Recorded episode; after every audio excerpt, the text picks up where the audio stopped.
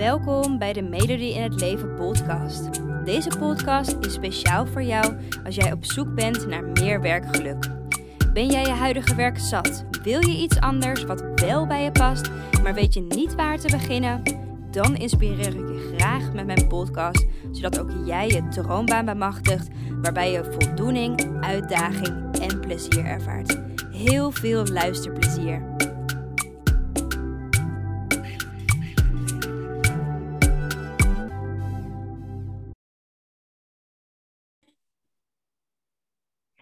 Hallo, hallo, hallo. Wat leuk dat je weer luistert naar een nieuwe podcast. En vandaag een podcast waarbij ik niet alleen ben. ik heb namelijk Wendy voor me zitten. En uh, Wendy heeft wel een heel speciaal beroep wat ze op dit moment doet. Dus ik vind het super leuk dat ze erbij is. Wendy, hallo. Le leuk dat je erbij bent. Dankjewel, dankjewel. ik vind het ook heel leuk. nou, ik kan me voorstellen als je nu luistert dat je denkt, Hé, wat doet Wendy nou precies? Wat is nou zo leuk? Mag ik je eerst vragen, Wendy, om even kort wat te vertellen over nou ja, het werk dat je op dit moment doet? Ja, je maakt inderdaad uh, de aankondiging heel spannend. uh, ik zal het dan maar meteen onthullen. Ik ben matchmaker. Dus ik heb zeg maar, mijn eigen relatiebewillingsbureau. En um, heb ik opdrachtgevers die mij vragen om voor hun een goede match te vinden in de liefde. Een match in de liefde. Dus als mensen bij jou komen, vinden ze misschien wel de liefde van hun leven. Ja, ja. Fantastisch.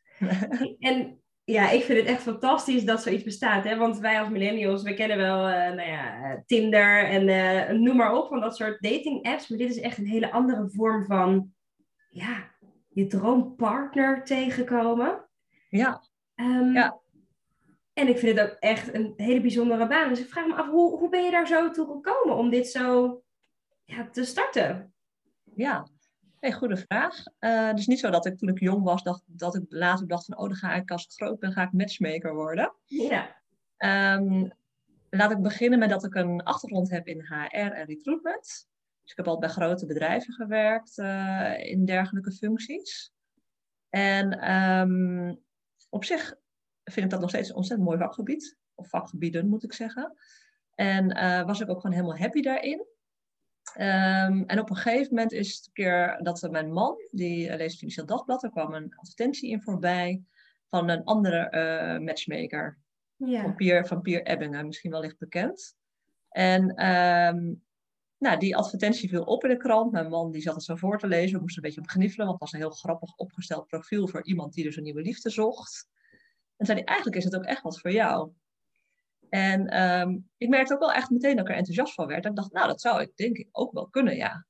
ja. Alleen ik heb er toen helemaal niks mee gedaan. Ik heb dat eigenlijk gewoon een beetje laten, ja, laten liggen.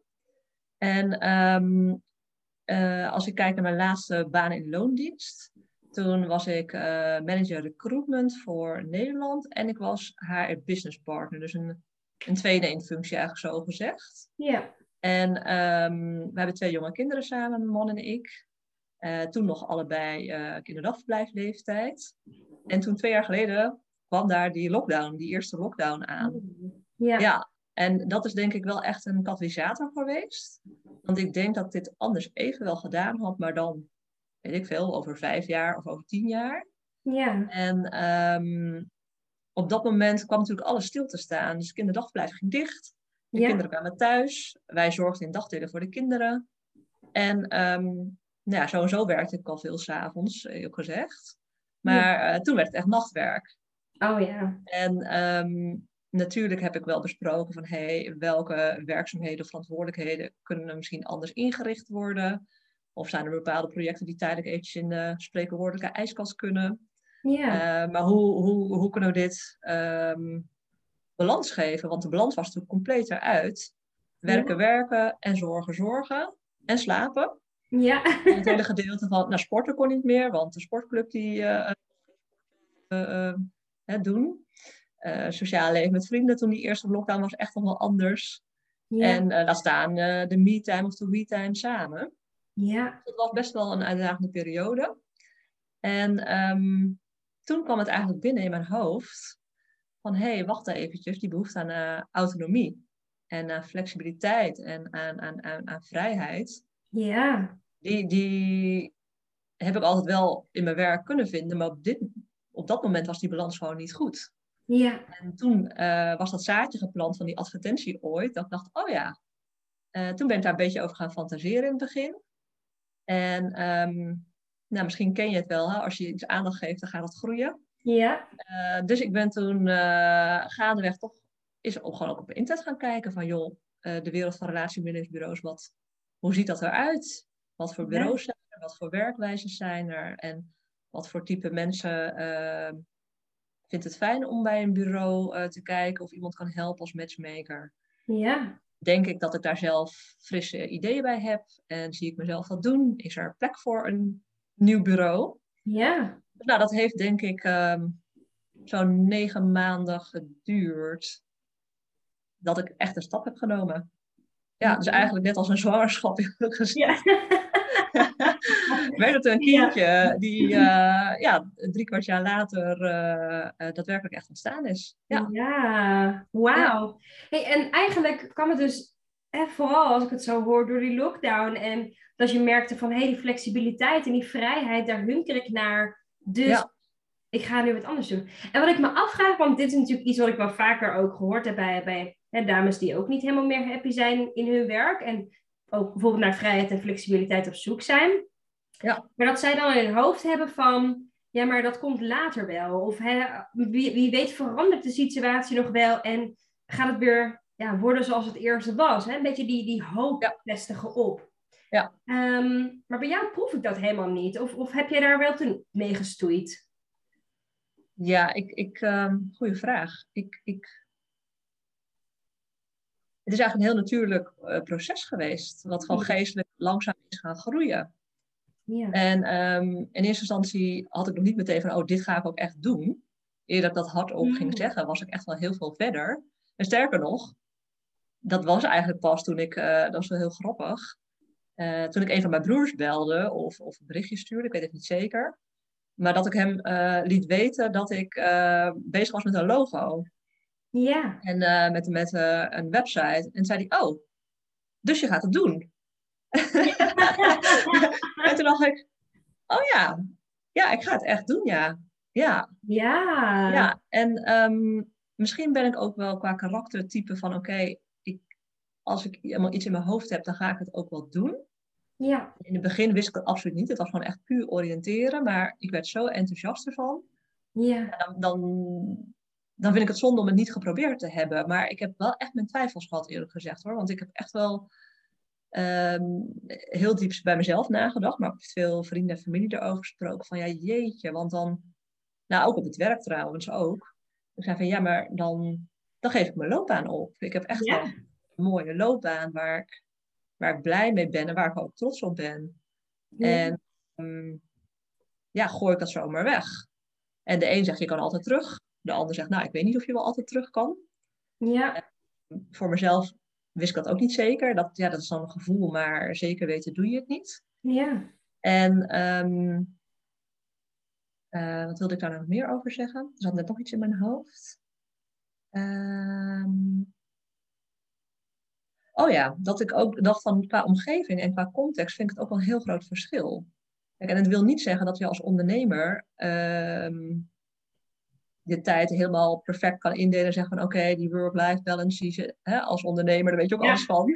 Dan ben, je ook, dan ben je ook heel gedreven en verantwoordelijk. Dat was ik in loondienst en dat ben ik nu ook. Dus dat, daar moet je ook denk ik niet naïef in zijn. Ja. Eh, dat wilde ik voor mezelf ook niet zijn. Maar ook de context van het werk. Ik dacht van, oh, ik vind het ontzettend leuk om met verschillende collega's en afdelingen samen te werken. Ik heb al binnen Ja. grote bedrijven gewerkt met een paar duizend tot duizenden eh, internationale eh, medewerkers. En dacht, ja. jeetje, dan heb ik dat straks niet meer. Dan wordt het gewoon een heel plat bureau. Met matchmaker, met klanten en met kandidaten. Ja. Ehm, gaat dat bij me passen? Ja. Ja, ik heb absoluut wel die twijfels gehad. Ja, Ja. Ja is En maar één manier om achter te komen. Ja, precies. Ja. Ja, mijn vraag is eigenlijk daarbij van... Ja, wat, maakt dat je dan toch die stap dan hebt genomen? Ja, ja ik, ik denk toch dat ehm, hè, die behoefte dus aan, aan autonomie Ja. ehm, en die, die balans, ik werk nu niet zeg maar dezelfde uren als dat ik voorheen werkte. En dan heb ik het niet per se over de contracturen in loondienst. maar gewoon alle uren die ik werkte. En het is heus niet zo dat ik nu s'avonds uh, niks doe. Ik werk nu s'avonds ook. Het zijn ook daadwerkelijk afspraken. Of gewoon achter de computer. Ja. Ehm, maar het zijn wel mijn eigen deadlines en het zijn mijn eigen. Um, ja, hoe zeg je dat? Ik, wat, ja, dan wil ik dat gewoon zelf op dat moment doen. Dus dan is het niet dat iemand anders vindt dat, dat ik dat. Plus, wat ook denk ik wel geholpen heeft, is dat mijn man, die uh, was een aantal jaar daarvoor uh, voor zichzelf begonnen. Mm. Ja, voordat ik begon. En um, hij heeft altijd in de Zuidas gewerkt, was advocaat, dus toen zijn eigen bureau begonnen met de compagnon. En bij hem merkte ik uh, zo en zo vanuit een ondernemersfamilie dat het voor hem heel zelfsprekend was om te gaan ondernemen. Ja. Dus dat gaat, dat gaat hij ooit een keer doen, alleen de vraag is wanneer. Ja. Nou, toen werd hij door, door zijn compagnon dus gevraagd. Dus hij is het ook eigenlijk eerder gaan doen dan dat hij dat zelf had bedacht. Um, maar ik zag wat het met hem deed. En ja. uh, qua, qua energie en qua vibe en qua hoe die dingen aanpakte, dat ik daar best wel, nou, dat werkte best wel aanstekelijk. Daar werd ik ook enthousiast van. Ja. Wel per se het ondernemen zelf heb ik nooit per se heel hard over nagedacht. Het is echt bij mij geboren vanuit, oh, het lijkt mij super leuk om matchmaker te worden. Ja. Maar als ik dat doe, wil ik dat wel voor mezelf doen en niet uh, uh, bij een bureau aansluiten. Ja. Uh, en dat de grote verrassing eigenlijk is dat het ondernemen zelf ook eigenlijk gewoon heel goed lijkt te passen. En dat dat is denk ik wel belangrijk voor jezelf vooraf om te realiseren, maar ook om te blijven voelen van is dat iets wat bij mij past. Ja, zeker weten. Ja. ja. ja. En wat ik ook wel interessant vond, wat je, wat je eerder aanhaalde, was dat je zei van hey, je hebt gewoon een hele goede loopbaan en uh, eigenlijk heel veel ervaring. En op zich hè, ging je niet echt met tegenzin naar je werk. Nee, helemaal niet. Um, en ik kan me voorstellen dat als iemand nu luistert, dat diegene dan denkt van... Ja, maar Wendy, waarom geef je dat dan allemaal op? dat dat dan misschien ook wel de eerste reactie van je omgeving is. Ja. Um, ik vraag me af, hoe, hoe was dat voor jou? Voelde dat voor jou ook zo van, oh ja, shit, nu ga ik heel veel opgeven? Of ja, hoe ga jij daarmee om? Ja, het is dan misschien toch een beetje, uh, wat ik dan grappend tegen mezelf zeg, maar ook wel tegen anderen een soort van midlife crisis. Ja. Ik ben nu net, uh, ik ben, ik ben net 40 geworden. Ja. Dan zeg ik, oh jee, ik ben een cliché geworden. Ja, ik ben een cliché. uh, en en ja, het is een hele grote verandering en dat realiseer ik me ook. Um, maar doordat ik het negen maanden naartoe heb kunnen groeien, voelt het als goed. En ik moet nog zeggen, ik, ja. moet ook, ik heb ook verwogen om het om te kijken van joh, het hoeft niet meteen natuurlijk zo heel uh, radicaal. Ik kan ook uh, misschien een partnerbaan zoeken en deels gaan ondernemen om te kijken hoe, hoe dat bevalt. Ja. En um, nou, dat had ook gekund. Um, ik had ook een baan aangeboden gekregen, omdat ik daar al naar had gekeken voor twee dagen per week. Ja. Ontzettend leuk. Dus hè, het gaat nogmaals niet om het vakgebied, want ik heb echt een passie voor HR en voor recruitment. Ja. Maar toen dacht ik, ja, nee, dat, dat voelt niet goed. Want dan, dan voel ik me super verantwoordelijk voor die baan. Dat wil ik goed doen. Dan ga ik waarschijnlijk meer uren maken dan de, de contracturen. Ja. En dan kom ik tijd tekort voor mijn onderneming. Terwijl ik er wel in geloof, als ik een onderneming start, uh, dat ik daar meteen uh, ja, echt goed in moet investeren. Qua tijd en energie, maar ook qua, ja. ook qua natuurlijk. Ja. Um, dus ik vond het toch belangrijk om van scratch al meteen uh, die focus te, te hebben. Mooi. Ja. En, en, natuurlijk, weet je, dat mensen hebben mij ook zien worstelen natuurlijk tijdens die lockdown uh, met die balans. Dus ja. het is ook niet dat, dat ik dat voor mezelf hield. Ik ben daar ook open over geweest naar mensen toe. Van joh, ik heb ook die struggle qua balans en qua, qua autonomie. Um, ja, ook andere mensen gevraagd, hoe doen jullie dat? En hoe, waar worstelen jullie mee? En wat is voor jou uh, een oplossing? Of wat doe jij nu anders dan dat je eerst deed? Of, of weet je dat zelf ook niet? Dus dat, dat is wel echt, denk ik, die lockdown, als die niet geweest was, had ik het misschien later gedaan. Ja. Maar de passie of het, de, de, de, het enthousiasme voor matchmaken, dat, dat is toen verder gaan ontwikkelen. Dus daar had ik dan wel vroeger of later toch wel wat mee gedaan. Daar ben ik van overtuigd. Ja, ja. ja. Dus eigenlijk, als ik het zo hoor, hè, heeft dat enthousiasme het gewoon gewonnen over alles. Hè? Want ja. Ja, ja, ja, je hebt een goede loopbaan, um, maar dat voelt dan misschien niet als weggooien, omdat je gewoon zo enthousiast bent over nou ja, het kind dat je daarna uitgebroed hebt. Ja, ja. het wordt nu wel een thema, ja. ja, ja nee, dat, dat, dat is zo, ja. Ja, en, en um, in die zin voelt het nog steeds wel alsof ik terug zou kunnen omdat het best wel aan elkaar gelieerd is. En de meeste mensen zeggen ook van, oh logisch, want uh, recruitment is werving en selectie. Alleen dan in plaats van dat je kijkt of iemand op het werk goede fit heeft qua cultuur en qua persoon en qua ambities en qua potentieel. Ja. Uh, hè, het headhunten eigenlijk. Al deed ik dat niet als bureau, maar ik zat altijd bij organisaties zelf, intern. Ja. Uh, maar eigenlijk is dat nu hardhunten wat je doet. Ja. Dus je kijkt nog steeds naar die fit. En um, dat doe je nog steeds ook op een diepere manier dan de oppervlakkigheden. Dus in plaats van uh, alleen maar kijken naar hobby's of regio of leeftijd, hè, willen kijken naar EQ, naar IQ, naar drijfveren, naar waarden, naar normen, hoe sta je in het leven. Dus die, die diepere laag om te matchen.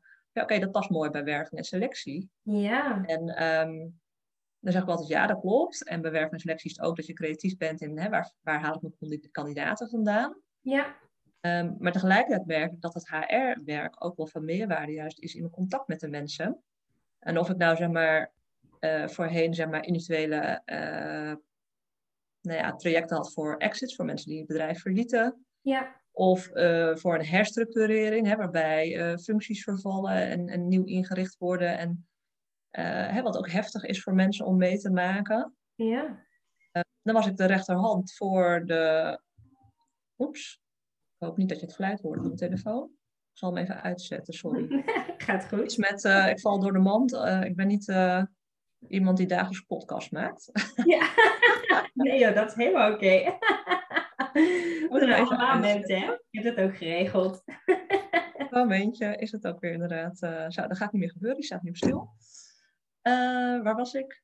Um, ja, dat binnen het werk dus, dat ik gewend was van, oké, als er precaire situaties zijn en ik ben dan de rechterhand van een uh, managementteamlid of een director en tegelijkertijd gaat het om de mensen zelf voor wie de verandering heftig is, in positieve zin. Ja, hoe kan ik zo zorgvuldig uh, mogelijk mensen daarin uh, begeleiden of helpen? Ja. Door het inrichten van een proces, maar ook door het persoonlijk contact. En daar zie ik wel heel erg de link of de overeenkomst. En dat is ook wat mensen wat ik ook terugkrijg, zeg maar, dat ze zeggen, ja, ik snap dat dat bij je past. Omdat ik dan uh, daarin ook het vertrouwen mag krijgen van mensen. Juist. Dat, en ook zeg maar, qua coachingsvaardigheden, denk je, ja, dat kan ik nu ook goed gebruiken. Dus achteraf gezien denk ik, oh, het is eigenlijk een hele logische weg, uh, alles bij elkaar. Ja. Terwijl dat van tevoren ook niet zo bedacht heb ooit. Ja. Um, en waar dat me dat verder in de toekomst brengt, ja, dat kan alle kanten op. Dat weet ik. Nee.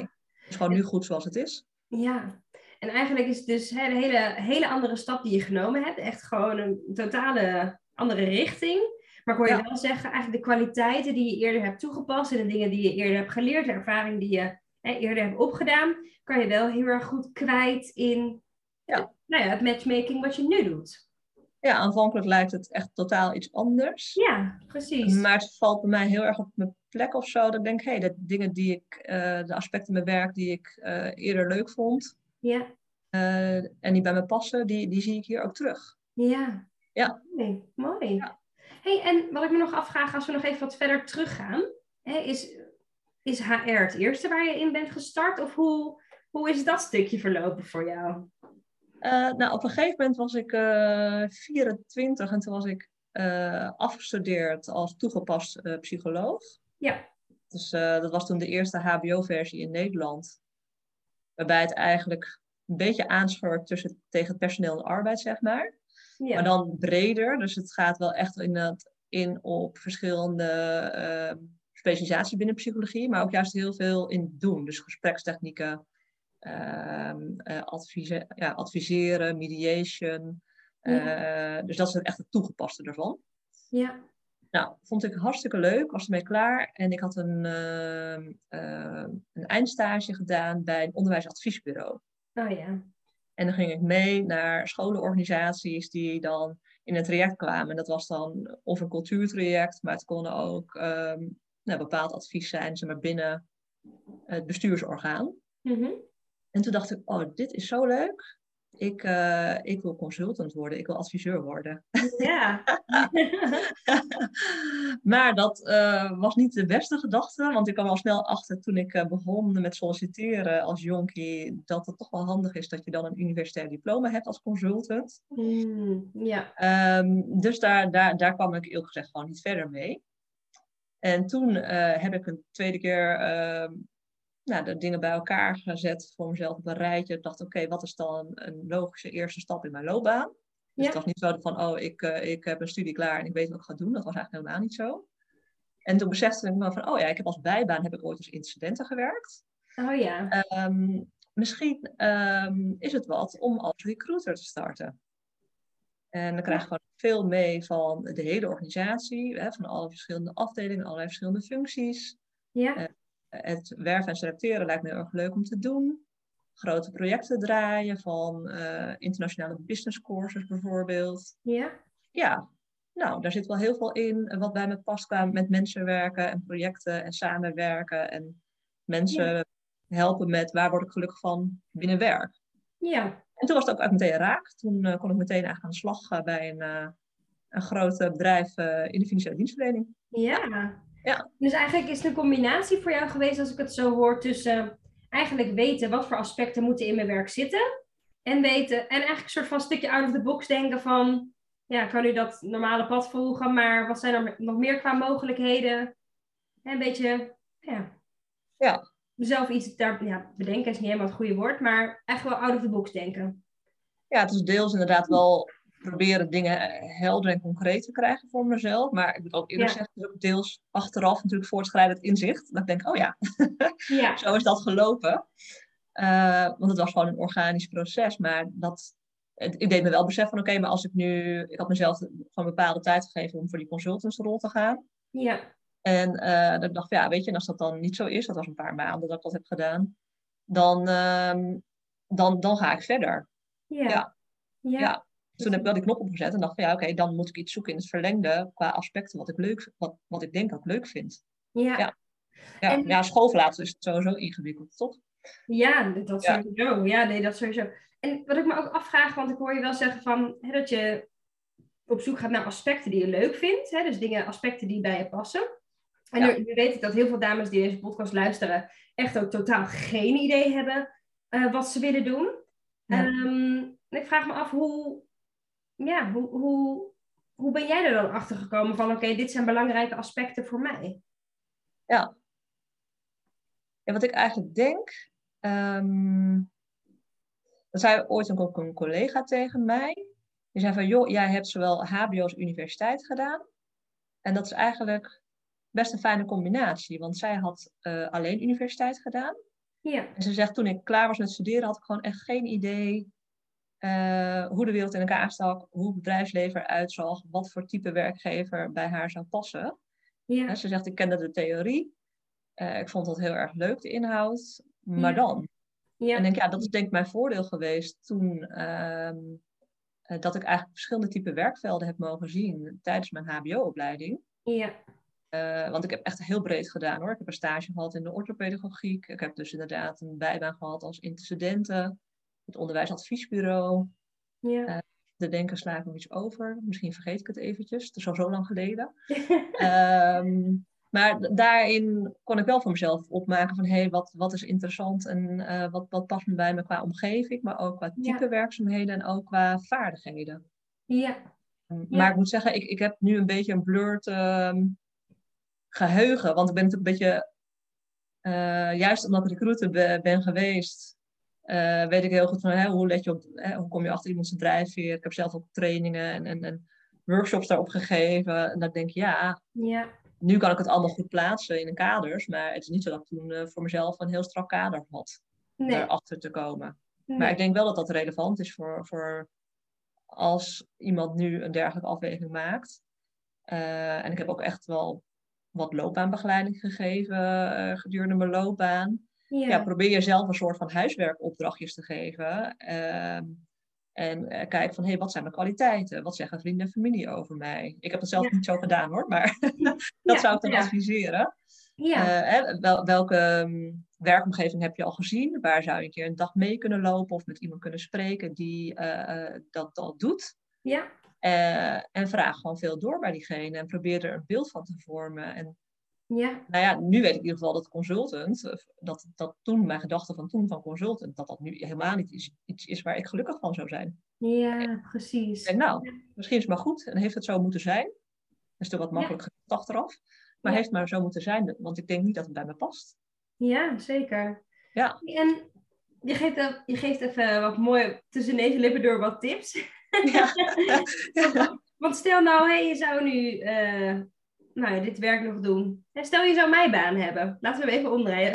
stel je zou nu dames helpen in het vinden van hun passie en droom aan. Ja. Wat voor tips zou je hen dan geven? Um, goeie. Oh, leuk. Mag ik jouw werk doen? ja. nou ja, um, ja, ik vind het... Um, ik vind het makkelijk om het nu zeg maar, proces een beetje te houden bij het proces wat ik dus zeg maar, heb meegemaakt ja. toen ik de switch heb gemaakt naar matchmaker. Ja. En wat, wat mijzelf daar heel erg van bijgebleven is, is van oké, maar wat, wat is realistisch ook? Want het is heel mooi om vanuit een passie te zeggen, hey, dit lijkt me ontzettend gaaf om te doen. Ja. Uh, hier word ik ontzettend enthousiast van. Uh, maar is het ook realistisch? Is het haalbaar qua, qua achtergrond? Past het bij je als persoon? Um, en is het ook iets wat, waar je van kunt leven? En dat is natuurlijk een beetje de Ja. vraag van, daar heeft ieder natuurlijk zijn eigen visie over, van ehm, is dat wel of niet doorslaggevend? Ja. Eh, voor mezelf, maar goed, ik ben dus bedrijfskundige ook, dus nog qua achtergrond. Ik heb daarna een master bedrijfskunde gedaan toen ik eh, al werkte. Ja. Dat ik dacht, ja, ik wil wel zien of er een businessmodel is wat, wat realistisch is. En Ja. ehm, ik weet echt wel dat wat ik nu verdien, dat dat niet in verhouding is tot wat ik verdiende eh, binnen loondienst. Ehm, maar daarin ehm, hoeft realistisch niet per se meer te betekenen. Het gaat erom, eh, eh, volg je je hart en ben je daar gelukkig in? En kun je ervan leven?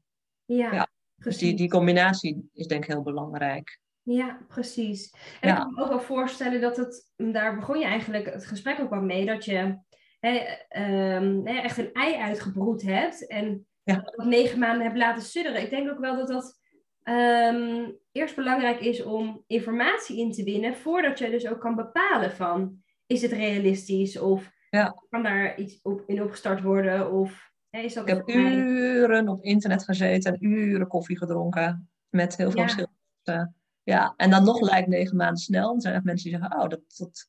En zijn ook, kan er ook jaren over doen. Ja, En tegelijkertijd denk ik, nou, ehm, ik weet niet of dat een generatieding is, maar ik, ik, ik zie wel echt heel veel eh, twintigers en dertigers om me heen. ja, Die zeggen, weet je wat, ik, ik maak gewoon die stap. ja. En meteen al vanaf het begin, na, na studietijd. Of inderdaad van, joh, ik, ik, ik werk nu in loondienst bij een groot bedrijf en ik ga alsnog eh, naar die start-up of voor mezelf beginnen of naar het buitenland. En ja. eh, er zit wel een bepaalde lef of zo in. Ehm, en het hoeft niet impulsief te zijn. Dat, dat, dat kan hand in hand gaan met elkaar. Ja. Dat geloof ik. Zeker weten. Ja. Hey, en ik ben ook wel benieuwd naar, want je hebt, hebt verschillende studies gedaan, nu weer eh, een switch Ja. gemaakt. Ehm, ik vraag me af, hoe, hoe maak jij over het algemeen keuzes? Ja. ja, het lijkt inderdaad nu ehm, eh, misschien alsof ik makkelijk switch, maar ik heb wel 14 jaar in het bedrijfsleven gewerkt. Oh ja, Eh, heb ik drie werkgevers gehad. Dus op zich is dat relatief weinig, denk ik. Eh, maar wel altijd eh, behoefte gehad aan een nieuwe uitdaging. En ehm, ja, bij de werkgever waar ik het langste gezeten heb, dat ik het ook fijn vond dat ik dan verschillende rollen had. ja, Of eh, als dezelfde rol was, maar dan weer voor een andere business unit. Dus dan dat daar dan toch weer een nieuw fris perspectief kwam. Of dat ik toch weer keek van hè, waar, waar kan ik mezelf weer ontwikkelen en waar kan ik weer groeien als, als mens en als professional. ja, Ehm, ik denk dat ik van nature een redelijk rationeel persoon ben. Ook van huis uit. Maar deze keuze die ik nu gemaakt heb eh, voor mijn eigen bureau, dat is wel echt ook op gevoel geweest. Dus het is wel echt die combinatie. En ehm, ja, op een gegeven moment dan, dan ben ik wel gewoon iemand van, dan, dan spring ik in het diepe. Ja. Uh, en ongeacht de uitkomst is dat al goed. Als ik dat vooraf realiseer van oké, okay, um, ja, het kan goed gaan, het kan niet goed gaan. En als ik met beide tevreden ben, omdat ik dan blij ben dat ik het heb geprobeerd. Dus misschien ben ik daar ook wel een soort van ongecompliceerd in. Ja. maar, ik ben wel, maar ik ga wel zorgvuldig te werk. En ik heb mijn keuzes wel, wel overwogen gemaakt. Ja. Maar ik durf wel, ik spring wel, ja. Ja, zo'n Ja. type. Ja. Ja. En, ehm, want ik weet ook dat er heel veel dames zijn die hè, niet durven te springen. Ja, Spannend vinden. ja. Ehm, wat, wat maakt dat jij, je bent best wel rationeel van jezelf, wat maakt dat jij ja, uiteindelijk toch gesprongen hebt, ondanks het misschien wel heel spannend was voor je? Ehm, nou, ik ben versneld ges- eh, gesprongen omdat het ging schuren. Hè, omdat Ja. die balans er niet meer was. Ja, Ehm, en dat- dat blijft ook wel natuurlijk als je in, in hè, de veranderingspsychologie kijkt. Eh, mensen die, die, die, ja, waarom zouden mensen gaan veranderen als je in een comfortabele positie zit? En als precies. je volledig happy bent. Ja, Ehm, kijk, voor de een was dan dat misschien dat de inhoud niet fijn was. Ja, ik vond de inhoud wel fijn, maar, maar de context klopte niet meer. Ehm, ik denk dat dat vaak dan een aanleiding is waardoor, waardoor je versneld gaat nadenken. In ieder geval in mijn geval wel. ja, En de, ja, als, als iemand twijfelt om die sprong te maken, zit ik heel hard na te denken hoor. Ehm, het wordt echt op het moment dat je het gaat uitspreken. Voor jezelf, naar anderen toe. ja, Eh, en als je het echt gaat proberen te concretiseren. Van oké, maar als ik dit zou willen, wat zou ik dan doen? En hoe ga ik dat dan aanpakken? Wat is dan mijn eerste stap?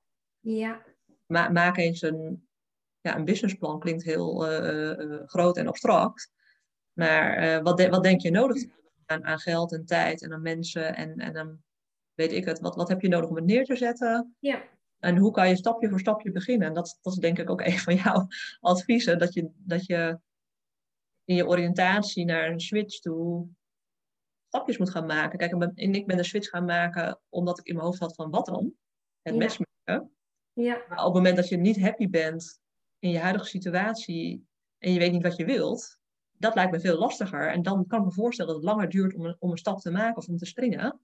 ja, En dan kan ik alleen maar inderdaad mensen zoals jij aanraden van alsjeblieft jongens, het is zo een goede inv- investering om bij een, een, een, een werkexpert of een werkgelukcoach eh, langs te gaan. Die jou helpt om te kijken naar jouw drijfveren en naar je competenties en naar de context die bij je past. En als je daar zelf niet uitkomt, ja, dan zou ik bijna zeggen, skip dan een, een vakantie en besteed het geld daarvan aan, aan, een, aan een loopbaancoach. ja, Dat is, ehm, ik heb er inderdaad zelf dus geen gebruik van gemaakt. Ehm, maar misschien ook een beetje beroepsdeformatie die ik natuurlijk al had. ja, zeker. maar maar dat, dat is oprecht wel ehm, een van de dingen die, waarvan ik denk dat belangrijk is. En dan is het niet erg als uit het traject uiteindelijk blijkt dat de keuze is dat je het niet gaat doen. Maar dan ben je in ieder geval wel weer bewust van, hé, hey, wat zijn je drivers? En ehm, ja, je bent zelf, en dat klinkt een beetje cliché, maar je bent zelf degene die de driver seat heeft. Je bent zelf de regisseur van je loopbaan. Ja, zeker. Hm. Je creëert je eigen werkgeluk. Jij bent verantwoordelijk daarvoor, niet een ander. Ehm, en ja, er zijn hele goede mensen die daarbij kunnen helpen. Ja, Juist. Mooi. Hey, en uiteindelijk heb jij het natuurlijk zelf kunnen doen. Ja. Ehm, ik vraag me af, is dit, is dit jouw droombaan waar je nu zit? ja het, is, het is nu een volmondig ja. Ja, absoluut. Ja. Ja. Ja. ik ben er echt ontzettend happy mee. Ik, Ja, ik geniet er enorm van. Ja, ja, ja. En ehm, dat betekent niet dat ik het 100% alles elke dag maar even eh, fantastisch en groot en waanzinnig vind. Eh, Ja. hè, af en toe dat ik ook even denk van jeetje, wat moet ik met deze situatie? Ehm, maar het, ja, het voelt, en, dat, en dan ben ik misschien niet meer rationeel, maar dan denk ik, ja, het, het voelt goed, het klopt.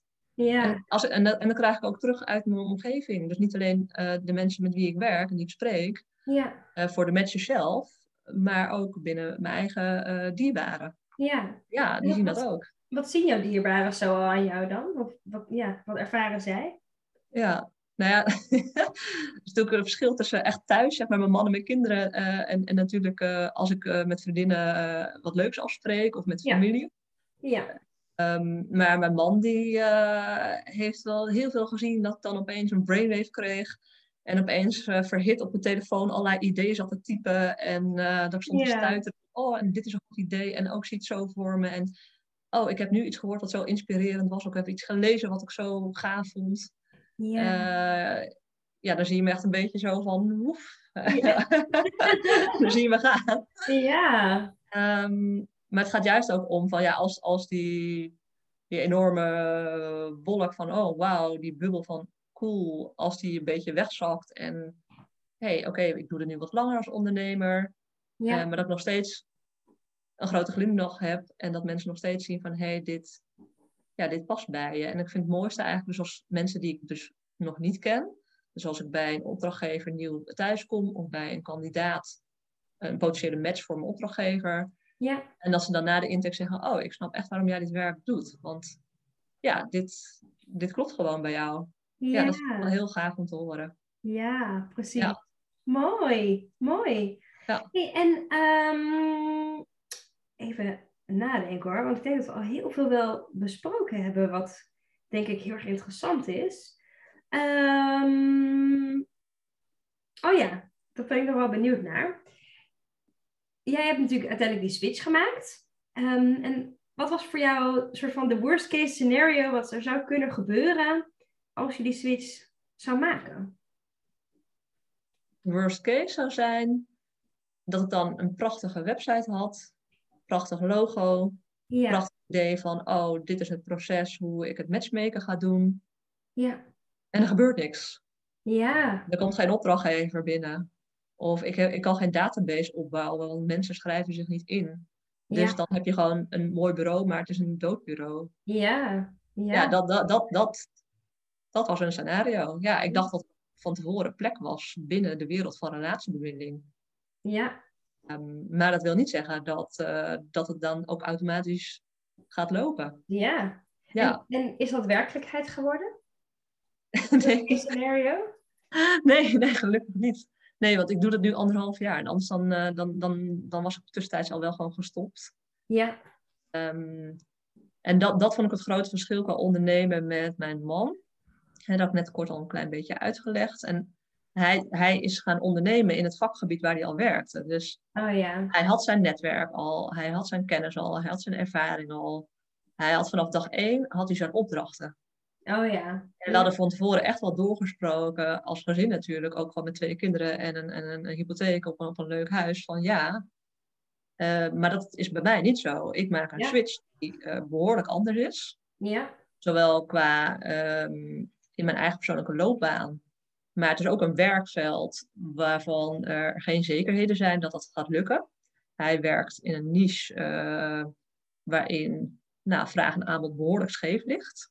Ja. En voor mij was dat allemaal ja, veel onduidelijker. Ja. En uh, dat zei van ja, maar het kan zomaar zijn dat ik eventjes moet wachten op mijn eerste opdracht. Want die zal niet vanaf de eerste dag of de eerste week of de eerste maand er zijn. Ja. Je moet er eerst keihard aan gaan werken. Ja. Ja. ja. Maar dat wist ik van tevoren. Daar wilde ik ook niet naïef instappen. En dat is dat is eigenlijk ook een tip, denk ik, aan luisteraars. Ja, als je voor jezelf wilt beginnen, wat verwacht je? Verwacht je dat je vanaf dag één klanten hebt? Ja. hoeveel tijd geef je jezelf om, om klanten te krijgen? Ja, precies. Dat heb ik voor mezelf wel een soort van gekaderd. Dat is misschien een beetje analytisch. Dat is een beetje die bedrijfskundige kant. Ja. Maar ja, weet je, als, uh, als ik binnen een half jaar mijn evaluatie doe. Uh, en de evaluatie is echt niet zo dat ik dan in mijn agenda een hele dag had geblokt voor een evaluatie, want dat type ben ik niet. Ja. Maar gaandeweg dan nou ja, dan in de maanden of in de weken, dan, dan gaat het al een beetje door mijn hoofd. Maar dan heb ik wel een soort van gepinpoint van oké, dan in een half jaar wil ik wel die keuze kunnen maken. Juist. Of na een jaar of wat dan ook. Ja, ja, ja precies. En Dus eigenlijk heb je het en van tevoren eh, goed, goed uitgedacht, dat één.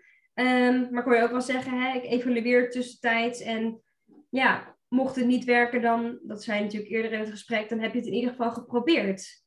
Ja, kan je nooit zeggen. Ja, en als je daar voor jezelf al vrede mee hebt bij voorbaat. Ja. Um, en natuurlijk wil je dat liever niet. Dus dat wilde, dat wilde ik ook niet. Ja. ja. Ja, maar ik had wel oprecht het idee van dit, er is ruimte nog voor een bureau erbij in dit wereldje. Ja. En als ik dat idee niet had gehad, dan had ik het denk ik niet gedaan. Ja, ja. Mooi, duidelijk. Hey, en ehm, wat denk je dat voor jou aspecten zijn die belangrijk zijn, ehm, zodat je gelukkig bent in je werk? Hè? Dus wat is werkgeluk eigenlijk voor jou? Ja, ja ik vind de, de diepgang heel erg leuk.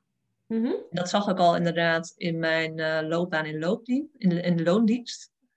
Ehm, dat ik gelukkiger werd of het leuker of meer voldoening vond geven als ik echt de diepte in ging, uh, één op één met mensen. Ja, ja en dat heb, ik, dat heb ik nu eigenlijk natuurlijk constant. Ja. Um, ik vind het gewoon heel mooi als iemand mij vertrouwt en vertelt over zijn relatiegeschiedenis. Um, maar ook over onzekerheden voor ten aanzien van een nieuwe partner of het daten of, of wat dan ook. Ja. En um, gaande het proces, als, ik dan, hè, als iemand het werk gaat daten, dat dan achteraf, dan bel ik zowel altijd de opdrachtgever als de kandidaat op van hoe was het? Ja. Ja, en dan wil ik wel meer horen dan, uh, ja, ik voelde wel of geen klik. Ja. En probeer ik ook te helpen van, joh, maak het eens concreet voor jezelf wat je, wat je voelt. Ja. Ja, Ja. precies. Hm. Ja, en misschien ook wel weer die balans van ratio en emotie gebruiken. Want je keuzes moeten niet alleen maar op hormonen gebaseerd zijn. Ja. Niet meteen de eerste date uh, van top tot teen verliefd worden. Dat kan, het bestaat, maar dat is Ja. meestal niet zo. Ja. En um, ja, daarin te klank worden ook. En, en, en vragen of, of uh, observaties terug te geven. Ja, ik hou ervan. Ik vind dat uh, Ja. heel erg leuk. Ja. Ik zie je ook helemaal erop aangaan. De luisteraars zien je natuurlijk niet, maar ik zie jou wel. ja. ik zie Ja. je helemaal bij je. Leuk, echt leuk om te Ja. zien. Hey, Ja. en ehm, de- denk jij, als we, als we weer even terugtrekken naar werk, maar denk jij dat veel mensen eigenlijk gelukkig zijn in hun werk? Goeie vraag. Ehm, ik heb vanuit HR natuurlijk heel veel gezien. Ik heb honderden of duizenden medewer medewerkers gezien. Ja. Ehm, maar ik denk eigenlijk dat net als relaties een hele mooie parallel is van ja, wat is je eigen verwachting? En op het moment dat je verwacht dat je 100% gelukkig bent in je relatie of in je werk en dat 100% perfect is, Ja. dan heb je een hele hoge lat voor jezelf. Ja. Ehm, maar om het uit te maken eh, Ja. op je werk of in een relatie, ja, wanneer doe je dat? En dat, dat heb ik het dan wel eens met mensen over. Ja, mijn ervaring in ieder geval is dat ik niet wacht tot de liefde helemaal dood is en het 0% is, of dat het omslaat in, in haat of in, Ja. ja, dat, dat het alleen maar nasty wordt hoe langer het duurt. Ja. Ehm, dus daar geloof ik ook weer in de verantwoordelijkheid nemen voor bij jezelf, zowel in een relatie als in een baan. Ja. Van wa- wat is het moment? En dat is nooit heel zwart-wit dat je ochtends wakker wordt, oh nu weet ik het. Want dan kun je lang wachten op dat moment. Het is een, Ja. een sluimerend proces waar je een keer een knoop moet doorhakken. En dat gaat alleen als je even je knop uitzet van je dagelijkse bezigheden. En eh, misschien een keer een avond niet gaat Netflixen of misschien een keer niet eh, eh, ehm, eh, de kroeg in gaat. Maar als je zegt van joh, lieve relatie of beste vriend of vriendin, ik wil graag eh, het hebben over mijn eh, werkgeluk of over mijn liefdesgeluk. Ja. En eh, laten we daar dan gewoon echt eens over praten. En dan, dan, dan kom je verder in je denkproces en ook in je, in je voelen. Juist, precies. Ja, Ja. zeker. En wel heel erg mooi dat je dat zo zegt, van laat het niet helemaal doodbloeden. En dat Ja. je echt helemaal nou, ja, met buikpijn die relatie voortzet. Of dus hè, met buikpijn naar je werk toe gaat. Ehm, maar dat je echt bij jezelf nagaat, ja, wat voel ik hier eigenlijk bij? En is het tijd om het werk stop te zetten of niet? Ja. Weet je, ik heb ook genoeg mensen, eh ja, switches. Niet een, een switch zoals ik dan wat rigoureuzer heb gedaan. Ja, Maar dat ze binnen eh, de financiële dienstverlening of binnen de pharma of binnen de ehm, eh, FMCG-wereld, dus de, retailwereld waar ik ook mee heb gewerkt, ja, dat ze dan van de ene grote werkgever naar de andere grote werkgever gaan. ja, En ehm, dat, is, dat is op zich heel interessant en dat kan heel goed zijn. Maar ik heb, dan vraag ik wel altijd aan mensen, maar ja, maar wat zoek je daar dan wat je, wat je hier niet meer hebt? ja, Of wat, wat, welke behoefte is er die nog niet vervuld is? En dat vroeg ik ook altijd andersom als we op sollicitatiegesprek kwamen. Ik heb een paar duizend sollicitatiegesprekken mogen voeren. Ja, wat, wat maakt dan dat je, dat je nu hier aan tafel zit en dat je actief om je heen kijkt en niet meer Ja. latent eh, in de fase zit van nou, misschien wil ik wel een keer iets anders, maar dat je actie onderneemt. ja, Wat, wat, wat, wat hoop je hier tegen te komen wat je, wat je nog niet hebt misschien? ja, En, en, en verwacht hier geen utopie, want eh, eh, elke eh, werkgever wil graag dat iedereen gelukkig is in zijn werk. de, de engagement studies en noem maar op, die, die heeft elke werkgever, denk ik wel. Ehm, maar dat betekent niet dat voor elke persoon je het altijd perfect kan doen als grote organisatie. Ja, precies. En dat geldt ook voor start-ups overigens. Ja, zeker. Ja, dat kan mega aantrekkelijk zijn bij een start-up te werken qua vrijheid en qua creativiteit en qua, qua, qua bouwen en samen iets, iets moois neerzetten. Ja. Maar past het bij jou? Past die dynamiek bij jou? Ja, precies. Ja. Hey, en je hebt natuurlijk net ook al wel mooie tips en adviezen gegeven, maar heb je nog ja, tips en adviezen waarvan je zegt, nou, dat moet echt ook absoluut meegenomen worden in het maken van zo'n switch of hè, het ontdekken van nou ja, wat voor werk erbij past?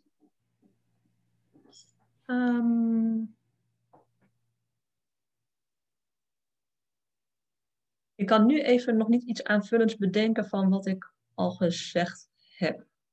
Ja. Ongetwijfeld dat, uh, dat ik dan vanmiddag nog denk, oh ja, dat had ik ook moeten zeggen. Dat later gewoon erbij als bij de show notes, bij de, bij de tekst. ja, ja.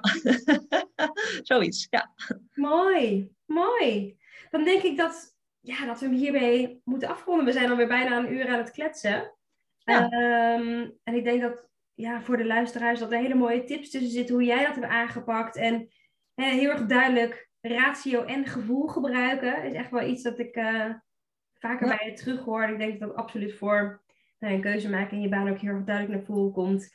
En ik denk dat de vergelijking tussen een partner en je baan echt een hele mooie vergelijking is. Om te kijken van, ja, hoe snel zou je met je partner stoppen? En hoe snel doe je dat met je baan? En hoe vind jij eigenlijk een partner? Of hoe voel je dat een partner een goede match is? Of ja, hoe ontdek je dat? En hoe doe je dat eigenlijk in je baan? Ik denk dat het een hele mooie vergelijking is die je ook mee kan nemen in het uh, maken van een, van een keuze. Oh, er schiet er nu nog één te binnen nu je dit zo zegt. Oh. ja, als, als we nog een metafoor kan uitbreiden. Um, hè, als je kijkt naar, naar dating apps, dan kan je natuurlijk vaak selecteren op, op regio, op leeftijd, op hobby's uh, en op foto's uiteraard. Ja. Um, het is op dating apps natuurlijk ook ontzettend moeilijk om de onderliggende laag van iemand uh, aan te kunnen raken. Van joh, hebben wij dezelfde manier van communiceren? Ja. Hebben wij dezelfde manier van onze gevoelswereld uiten? Hebben wij dezelfde drijfveren of de, hè? Ja. dezelfde normen en waarden? Ja. Nou goed, daar, hè, daar probeer ik dan bij te helpen. Maar binnen het werk is dat ook zo. Dan denk ik, ja, kijk niet alleen naar de praktische, uh, uh, feitelijke kanten van, oh, is het dichtbij? Kan ik op de fiets? Uh, wat verdient het? En, um, ja, de nou ja, hè, de, de, de, de, de, de obvious things. Ja. Maar, maar, kijk naar de, ook de onderstroom. Kijk ook naar de, de diepere zaken van, hey, is dit een leidinggevende die mij inspireert?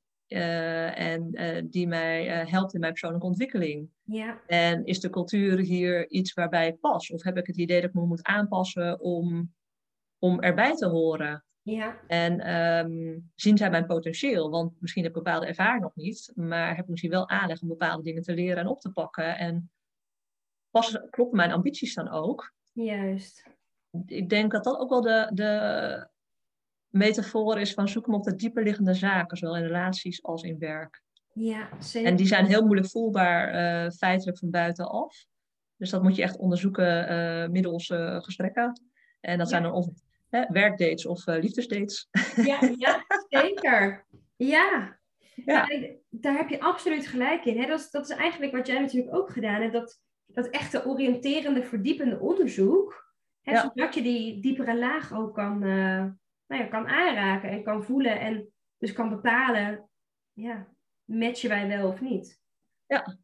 Mooi. Heel mooi. En ik denk dat dat, dat is eigenlijk het allerbelangrijkste. Ja, en, en dat vind ik ook weer eigenlijk een mooie metafoor van. En op het moment dat je niet aangenomen wordt bij een nieuwe baan, of als ondernemer is het misschien toch niet gelukt, dan is dat niet erg. Dan was dat niet de match of fit. En heeft dat zo moeten zijn. En op dat moment voelt dat misschien niet zo. En Ja. dat heb ik ook wel gezien bij mensen eh, bij wie ik het exit traject zeg maar, begeleiden. Terwijl er komt dan een dag, eh, een moment, hetzij in de nabije of latere toekomst, waarvan je denkt van oké, maar nu, nou, net wat ik eigenlijk zelf ook al zei, met voortschrijdend inzicht, besef ik me van oké, maar dit heeft ook gewoon niet zo moeten zijn. Want als je op een sollicitatie het idee hebt dat het er niet geworden is, omdat je misschien beter anders dingen had kunnen verwoorden of kunnen vertellen, ja, dan had je je moeten aanpassen, maar dan, was dan klopt de fit niet meer. Dan is het geen oprechte match meer. Dus dan, dan, dan moet je er ook op kunnen vertrouwen dat het dan niet zo is. En waar je wel aangenomen wordt, dat, dat die fit wel gezien wordt en die match wel klopt. Dus dan, dan heeft het ook gewoon zo moeten zijn. Ja. En als je daar vertrouwt en weet dat er gewoon, en gewoon, nu ga ik even heel cheesy doen, maar dat er ergens op de wereld gewoon voor jou meerdere liefdes zijn in werk en relaties. Ja. Je gewoon weet van, hè, op elke spreekwoordelijke potje past een dekseltje en er zijn meerdere potjes en meerdere dekseltjes. Ja. Dan weet je van, joh, dat komt wel goed. Ja, mooi. Ja. En dus ook een stuk vertrouwen hebben dat het zo is zoals het zou moeten zijn. je hoeft je niet aan te passen. Je hoeft alleen maar jezelf te zijn. En daar is dus een match in. Ja, ja. en tien jaar geleden was, of vijf jaar geleden, dat is weer anders als je die zoektocht weer opnieuw begint. Dan ga je weer herijken. Oké, nu ben ik weer een andere persoon, want ik ben gegroeid in mijn werkrelatie of in mijn liefdesrelatie. Ja. En ehm, nu ben ik anders. Ik heb weer andere behoeftes. Ik heb weer andere vaardigheden. Ja. Nou, dan past er misschien wel een andere uh, type werk of een ander type man of vrouw bij mij.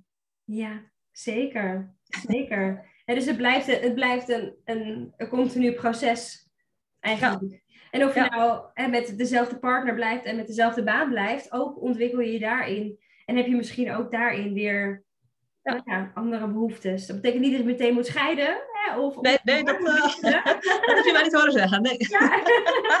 Wel hè, dat je moet kijken van waar heb ik eigenlijk nu behoefte aan en hoe kunnen we dat vervullen. Ja, ja, en binnen werkgevers is het natuurlijk ook zo. Je hoeft niet meteen altijd weg te rennen als je denkt dat iets niet klopt. Ja. Maak het ook bespreekbaar. Ja, precies. Ja. En als er echt geen mes is, hè, dan durf dan ook de stap te zetten naar iets anders. Ja, ja precies. Mooi! Nou, volgens ja, toch nog een toegift. Ja, volgens mij kunnen wij nog heel lang doorpraten over de mooie match tussen, tussen werk en relaties. Ja. maar uh, ik denk dat we voor nu wel moeten afsluiten, want anders wordt het weer een heel lang gesprek. Mag ik je ontzettend bedanken, Wendy, voor je kennis, je inzichten, voor het delen van je verhaal. Ja, heel graag gedaan. Ik vond het ook uh, ontzettend leuk dat ik bij jou uh, in de uitzending mocht komen. Nou, super. Dankjewel. Ja. En ik ben natuurlijk wel benieuwd uh, voor de luisteraars ook. Die hebben misschien zoiets van: wauw, matchmaking, wat een super interessant beroep. Of hey, ik ben nog single en ik zoek nog wel een leuke partner.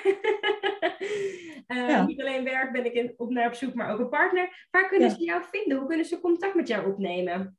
Ja, nou, je kunt me het makkelijkste vinden via mijn website. En um, ik heb eigenlijk een hele simpele bedrijfsnaam die iedereen gewoon goed kan onthouden. De Matchmaker. Ja. De Nederlandse de en dan uh, het Engelse matchmaker.nl.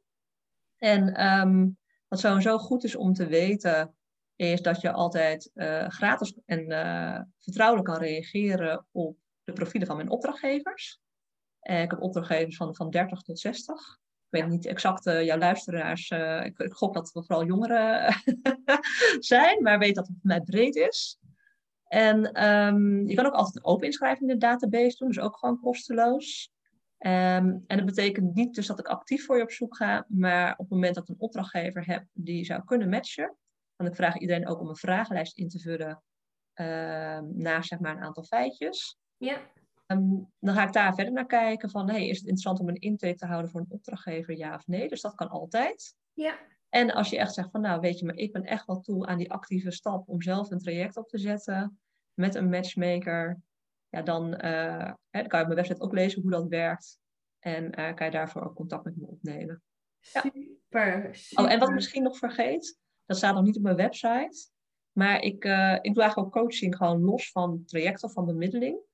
Dus als je zegt, nou, ik ben niet actief op zoek, maar ik zou het wel fijn vinden om net zoals bij een werkexpert, bij een liefdesexpert uh, te klankborden of te spiegelen. Ja. Qua dating mindset of datingvaardigheden, dan uh, ben je ook van harte welkom om contact op te nemen. Mooi, fijn. Nou, ik denk uh, dat er genoeg singles zijn die luisteren.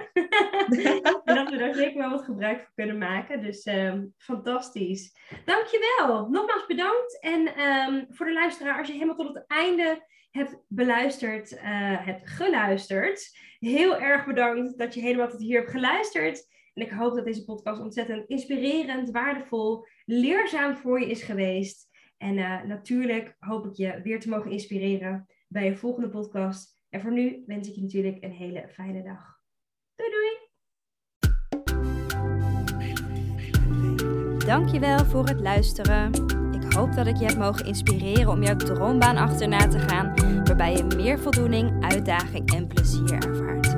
En elke woensdag staat er een nieuwe podcast online, dus hou dit vooral in de gaten. En wil je vaker tips en inspiratie ontvangen? Volg mij dan ook op Instagram onder de naam van Melody in het Leven en ik help je graag verder. Fijne dag!